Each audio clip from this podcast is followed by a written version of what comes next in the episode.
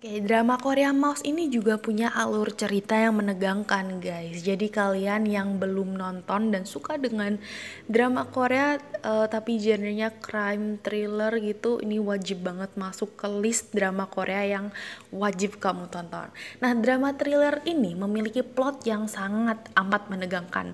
Inti dari cerita drama Korea Mouse ini adalah pengejaran terhadap predator psikopat yang dilakukan oleh dua pria yang memiliki motif dan cara yang berbeda.